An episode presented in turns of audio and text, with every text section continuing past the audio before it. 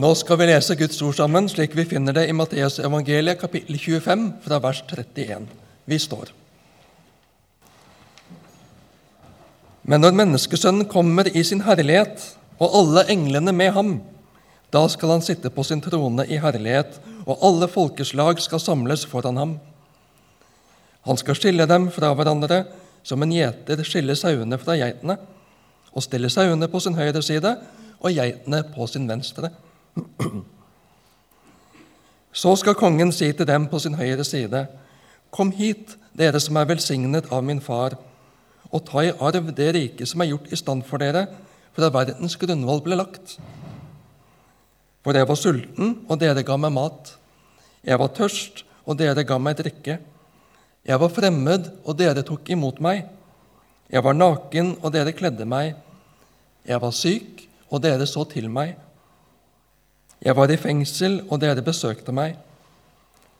Da skal de rettferdige svare, Herre, når så vi deg sulten og ga deg mat, eller tørst og ga deg drikke?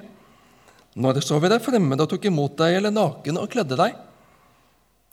Når så vi deg syk eller i fengsel og kom til deg? Og kongen skal svare dem, Sannelig, jeg sier dere, det dere gjorde mot en av disse mine minste søsken, har dere gjort mot meg. Så skal han si til dem på sin venstre side, Gå bort fra meg, dere som er forbannet.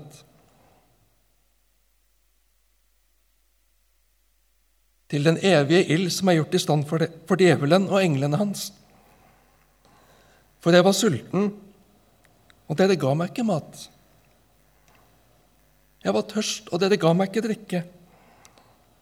Jeg var fremmed, og dere tok ikke imot meg. Jeg var naken, og dere kledde meg ikke. Jeg var syk og i fengsel, og dere så ikke til meg. Da skal de svare, Herre, når så vi deg sulten eller tørst eller fremmed eller naken eller syk eller i fengsel uten å komme deg til hjelp? Da skal han svare dem, Sannelig, jeg sier dere, det dere ikke gjorde mot en av disse minste, har dere heller ikke gjort mot meg. Og disse skal gå bort til evig straff, men de rettferdige til evig liv. Slik lyder Herrens ord. Vær så god, sitt.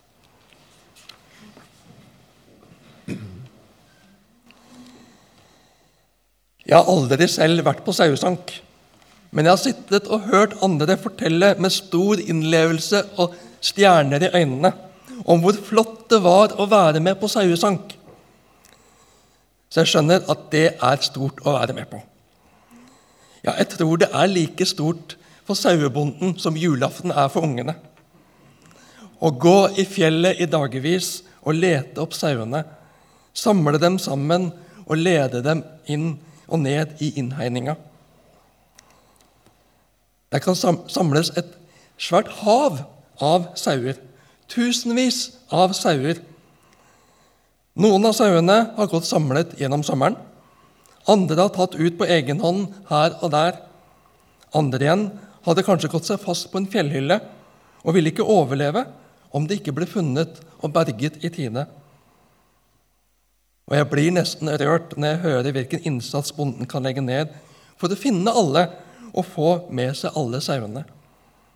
Ja, den risiko han kan utsette seg for for å berge den sauen som hadde gått seg bort. Det er et godt bilde på Gud. Gud som leter, Gud som elsker, Gud som kjenner hvert eneste menneske han har skapt. Han kjenner lynnet. Han kjenner din stolthet og dine svakheter. Og han leter etter sine som har gått seg bort. Noen er typen som går i flokk, dilter etter andre, eller automatisk får noen etterfølgere. Andre liker å gå på sine egne veier, og iblant så går det ikke så bra. Da kan du være trygg på at du har en Gud som kjenner deg, som elsker deg, og som leter etter deg. For du ligger ham på hjertet, og han vil så gjerne berge deg.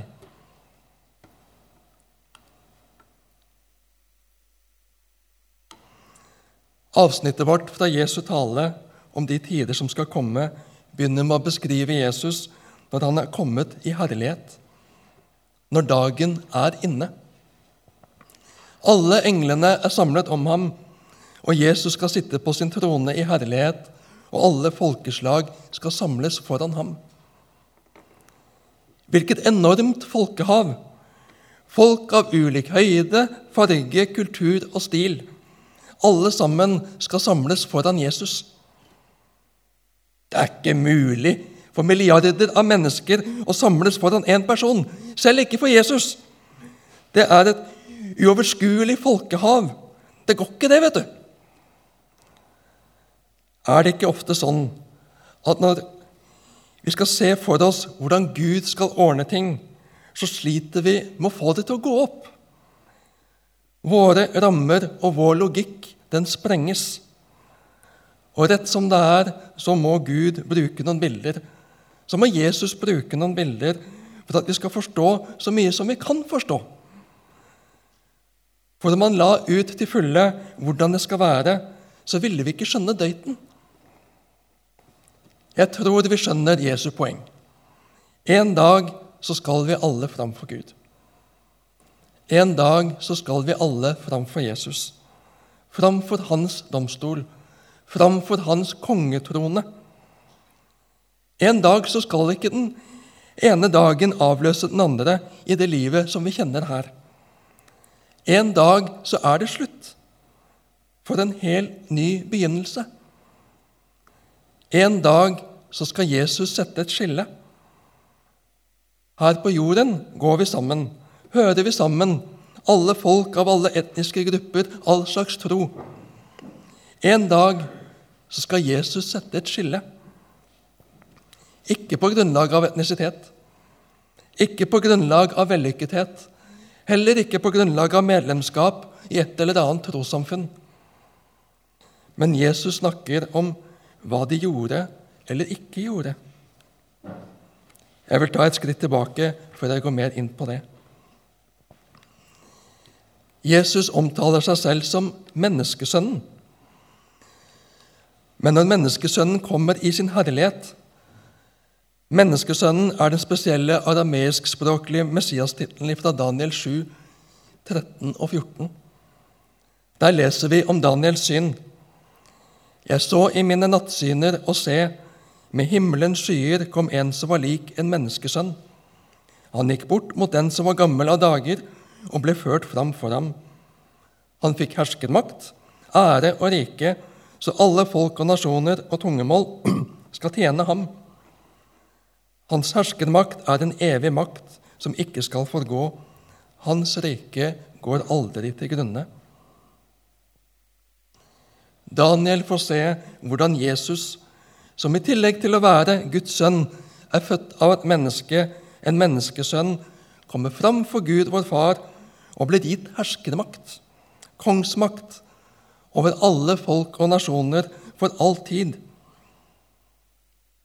Nå er det Jesus som kongen vi får se, ikke som det lille barnet i stallen, heller ikke den korsfestede. Nå sitter Jesus på tronen i herlighet. Så skal kongen si til dem på sin høyre side, Kom hit, dere som er velsignet av min far, og ta i arv det riket som er gjort i stand for dere fra verdens grunnvoll ble lagt. Gud, vår Fars velsignelse til menneskene, går foran alt som har med gjerninger å gjøre. De frelses av nåde. Er du glad i å arve? Jeg husker fra oppveksten Jeg tipper jeg var fem-seks år gammel. Det kom en kasse fra tante og onkel i Oslo. En kasse med klær fra vår eldre fetter og kusine. Ålreit, det. Vi så opp til søskenbarna våre, så det var greit å arve fra de. Men hvorfor to lyseblå nattkjoler var kommet opp i kassa til fetterne, det er ukjent.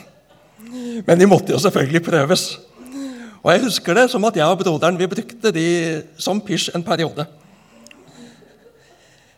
Jeg måtte be mamma sjekke fotoalbumet om det var noe bilde av det, men fotoalbumene kan ikke bekrefte eller avkrefte det. Men det er noe sånn jeg husker det i hvert fall. Men det var vel så stas når mine foreldre arvet en pen sum etter mine besteforeldre. For det muliggjorde utbygging av loftetasjen i husbankhuset. Og da fikk jeg som 16-17-åring nytt og større rom. Hadde vi gjort noe som fortjente en slik arv? Nei, ingenting. Men vi var i slekt. Vi var i relasjon.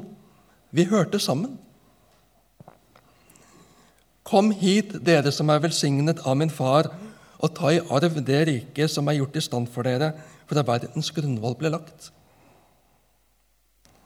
De som blir invitert velkommen inn i Guds rike i herlighet, er de som er velsignet av Far. En velsignelse som går forut for alt som har med gjerninger å gjøre. Det er en arv en får ta imot. Ingen fortjenestemedalje eller lønn for lang og tro tjeneste en arv fordi en er i relasjon.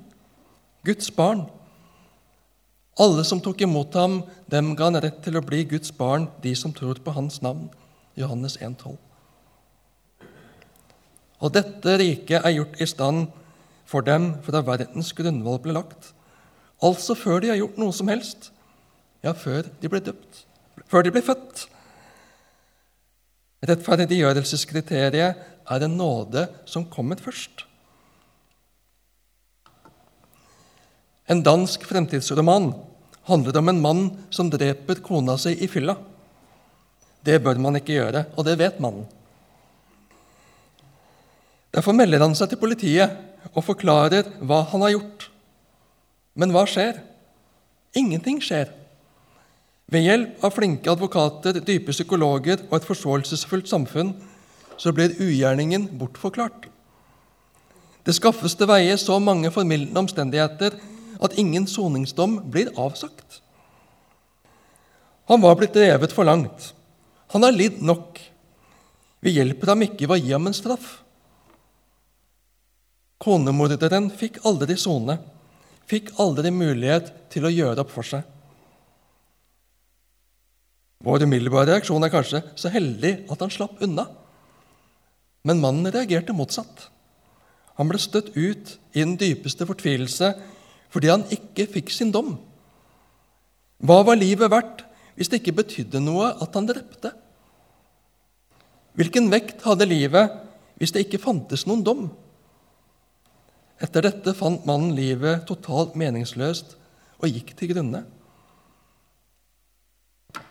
For jeg var sulten, og dere ga meg mat. Jeg var tørst, og dere ga meg drikke. Jeg var fremmed, og dere tok imot meg. Jeg var naken, og dere kledde meg. Jeg var syk, og dere så til meg. Jeg var i fengsel, og dere besøkte meg. I Jesu tale blir domsgrunnlaget knyttet til vår grad av barmhjertighet mot hans lidende små søsken. Her er det snakk om å gi bort mat, skaffe klær, gå på besøk og vi som trodde på troen. Hvor ofte har jeg ikke lest og sitert for meg selv og andre Efeserne 2,8.: For av nåde er dere frelst ved tro. Det er ikke deres eget verk, men Guds gave. Det hviler ikke på gjerninger for at ingen skal skryte av seg selv. Men det står jo i umiddelbar fortsettelse for vi er Hans verk, skapt i Kristus Jesus til gode gjerninger som Gud på forhånd har lagt ferdige for at vi skulle vandre i dem. Og når de troende begynte å bruke troen som unnskyldning for å ikke gjøre godt mot andre, så satte en våken Jakob, Jesu bror og menighetsleder, skapet på plass og skrev til dem.: Hva hjelper det, søsken, om noen sier at han har tro, når han ikke har gjerninger? Kan vel troen frelse ham? En tro som er en teori for hodet, uten at det gir retning for livet, er en fjern tro, en død tro. En levende tro er ikke bare en forsantholdelse, men en overgivelse til Jesus. Jesus, jeg tror på deg. Jeg trenger deg. Du er min Herre og min Gud. Jeg vil følge deg. Led meg, du. Tilbake til Jakob. Sett at en bror eller søster ikke har klær og mangler mat for dagen, og en av dere sier til dem:" Gå i fred, hold dere varme og spis dere mette. Hva hjelper det dersom dere ikke gir dem det kroppen trenger? Slik er det også med troen. I seg selv, uten gjerninger, er den død. Vi ser mye nød rundt oss. Vi får så mye informasjon inn i vår tid gjennom radio, TV og Internett. Det er lett å bli sløv, apatisk, handlingslammet eller likegyldig. Det er så mange som tigger på gata i Kristiansand, og vi kan ikke hjelpe alle. Noen er pågående og frekke, og det kan by oss imot. Skal det være på det viset, så vil jeg i hvert fall ikke hjelpe deg. En skal oppføre seg fint, eksemplarisk og ydmyk for å få hjelp. Men kan det være nøden som ikke klarer å holde maska? Vi må for all del ikke bli kalde, kyniske og stenge nøden, ja, menneskene, våre medmennesker, våre søsken, ute. Jakob fortsetter. Kanskje vil noen si, 'Du har tro, jeg har gjerninger'. Vis meg din tro uten gjerninger, så vil jeg ut fra gjerningene vise deg min tro. Du tror at Gud er én. Det gjør du rett i. Også de onde åndene tror det og skjelver. Du tankeløse menneske, vil du ikke innse at tro uten gjerninger er til ingen nytte? Var det ikke på grunn av gjerninger at vår far Abraham ble kjent rettferdig da han bar fram Isak, sønnen sin, som offer på alteret? Slik kan du se at troen virket sammen med gjerningene hans, og gjennom gjerningene ble troen fullendt. Slik kan du se at troen virket sammen med gjerningene hans, og gjennom gjerningene ble troen fullendt. Det er ikke av ny dato at tro og gjerninger spilles ut mot hverandre. Jesu ord har for oss noen indre spenninger i seg så vi ikke for raskt skal lade ut. På den andre side så kan det også hende at vi gjør det vanskeligere enn nødvendig. Både tro og barmhjertighet mot disse mine minste handler om forholdet til og mottagelsen av Jesus i vid forstand. Jesus, jeg tror på deg. Jeg er avhengig av deg. Din soning for mine synder, din soning for min ufullkommenhet og holdhet ja, sløvhet og likegyldighet. Din soning for min manglende kjærlighet til mine medmennesker. Og fordi lovløsheten tar overhånd, skal kjærligheten bli kald hos de fleste, har Jesus sagt tidligere i den samme talen. Må vi ikke i informasjonsstrømmen som viser oss nøden, inn i våre stuer, ja, ned i lomma vår, gjennom våre mobiler, må ikke kjærligheten bli kald, så vi ikke ser og møter med barmhjertighet våre medmennesker. Begge grupper ble overrasket. De på venstre side de forsvarte seg nærmest. Herre, når står vi deg sultne eller tørst eller fremmede eller naken eller syk eller i fengsel uten å komme deg til hjelp. Klart vi ville hjelpe deg. Vi vet ikke hva godt vi kan gjøre for deg. De på den høyre side, de rettferdige, ble også overrasket. Herre, når så vi deg sulten og ga deg mat eller tørst og ga deg drikke? Når så vi deg fremmed og tok imot deg eller naken og kledde deg? Når så vi deg syk eller i fengsel og kom til deg? De hadde ikke tenkt over det. De gjorde det ikke for å tilfredsstille kongen. De gjorde det for å hjelpe mennesker i nød. De gjorde det av hjerte, av kjærlighet av barmhjertighet til de trengende. Og når vi synes at tiggernes oppførsel er utidig, pågående og slitsom, la oss prøve å puste dypt og huske Jesu ord. Det dere gjorde mot en av disse mine minste søsken, har dere gjort mot meg. Jeg husker det veldig godt. Hvordan folk rundt oss på Majita i Tanzania, menighetsfolk, brukte disse bibelordene mot oss for å nærmest tvinge oss til å hjelpe dem i deres prosjekter og behov. Og Jeg husker hvordan sinne og irritasjon vrengte seg i meg, og jeg klarte nok ikke alltid å bare holde det inni meg. Jeg trenger å høre Jesu ord.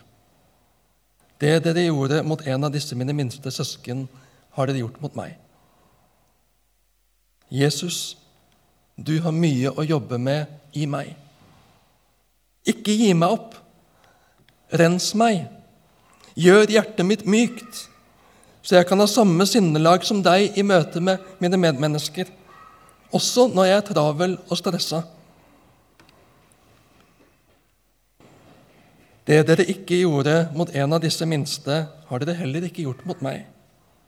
Og disse skal gå bort til evig straff, men de rettferdige til evig liv.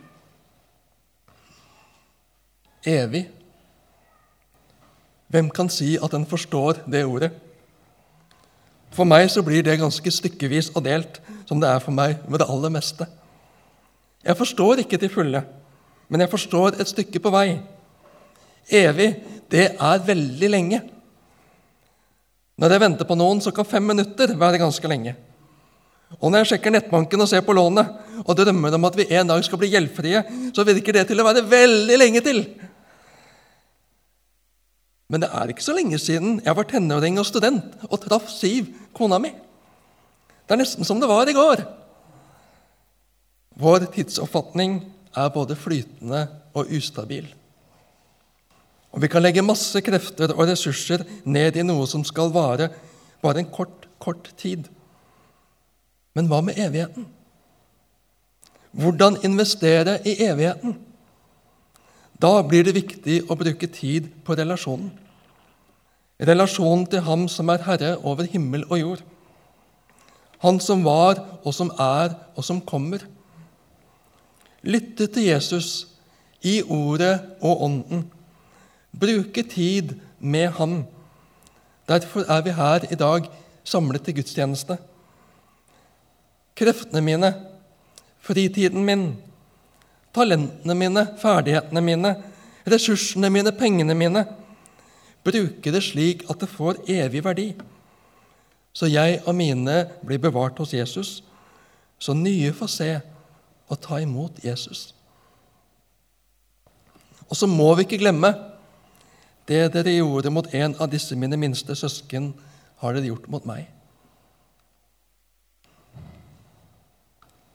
En dag så skal Jesus sette et skille. Det er ikke slutt. Vi slutter ikke å eksistere, men det vil skje et skille. Og da vil forskjellene bli så veldig mye tydeligere.